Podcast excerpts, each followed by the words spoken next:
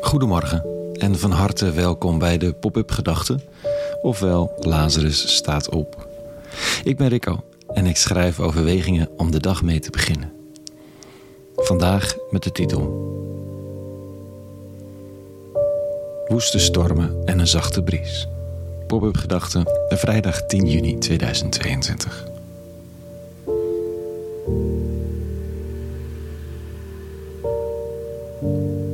Gisteren stuurde hij bericht vanuit Zagreb. Een jongen met een huizenhoog trauma, alleen en op de vlucht. Ik had hem ontmoet in Bosnië.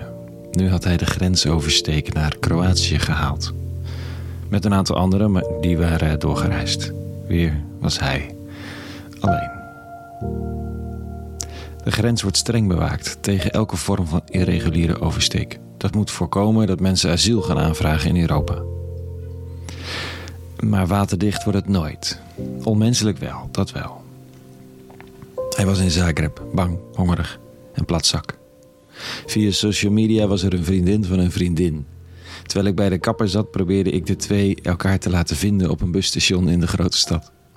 Gekke gewaarwording me, zo gaat het dan blijkbaar. Dan krijg ik een foto van hem met een zak verse luxe broodjes en een dankbaarheidssmiley. Ze hebben elkaar niet gesproken, er keken te veel mensen. In Zagreb ben je zomaar medeplichtig aan mensensmokkel als je iemand helpt die illegaal de grens is overgestoken. Illegaal, maar gebruik met de bedoeling om gebruik te maken van het uiterst legale recht om asiel aan te vragen. En nog niet in Zagreb, hoopt hij. Dan is je kans niet heel. Nog even doorreizen. Het is een speldenprikje.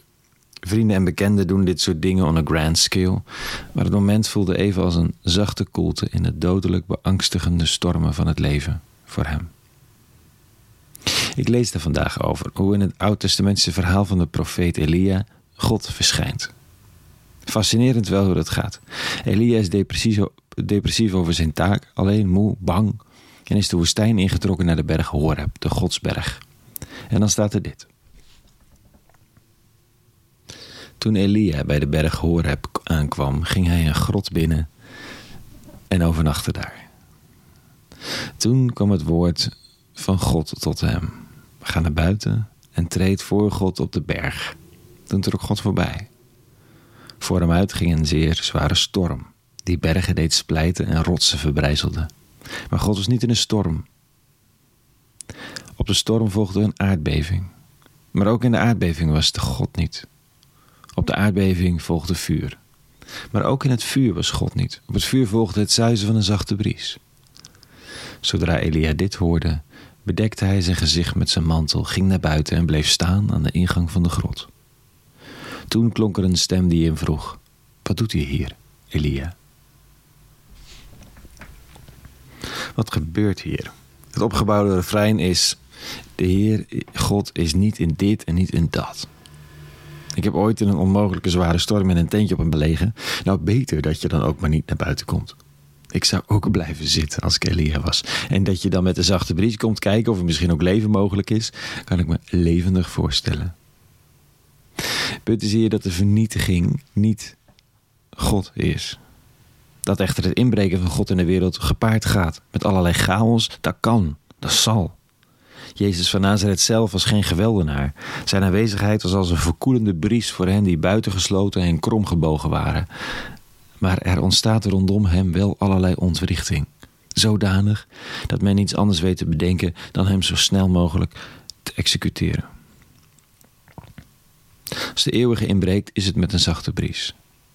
Maar dat er chaos, ontwrichting, trauma en pijn ook plaatsvindt, heeft soms zomaar te maken met het contrast tussen het leven dat we leven en het goede van de eeuwige. Soms kan de stem van een kind ons met een schok tot de ontdekking brengen dat er iets grondig systematisch mis is. Dat is niet gewelddadig van het kind, maar de storm is er niet minder om. In de chaotische omstandigheden aan de grenzen van Europa vind ik zelf steeds weer het zuizen van een zachte bries. In de pijnlijke discussies in Nederland is het soms zoeken, maar is het ook altijd wel ergens te vinden. En dan eigenlijk vooral als je ze aangaat, hoe moeilijk ook. Als je de verbinding zoekt.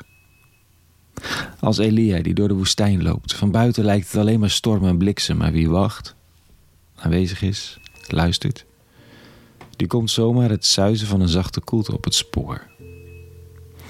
En dan is dat het moment, denk ik, om naar buiten te treden, zoals Elia, contact te maken en te vertellen wat er op je hart ligt. Nou, tot zover even vandaag.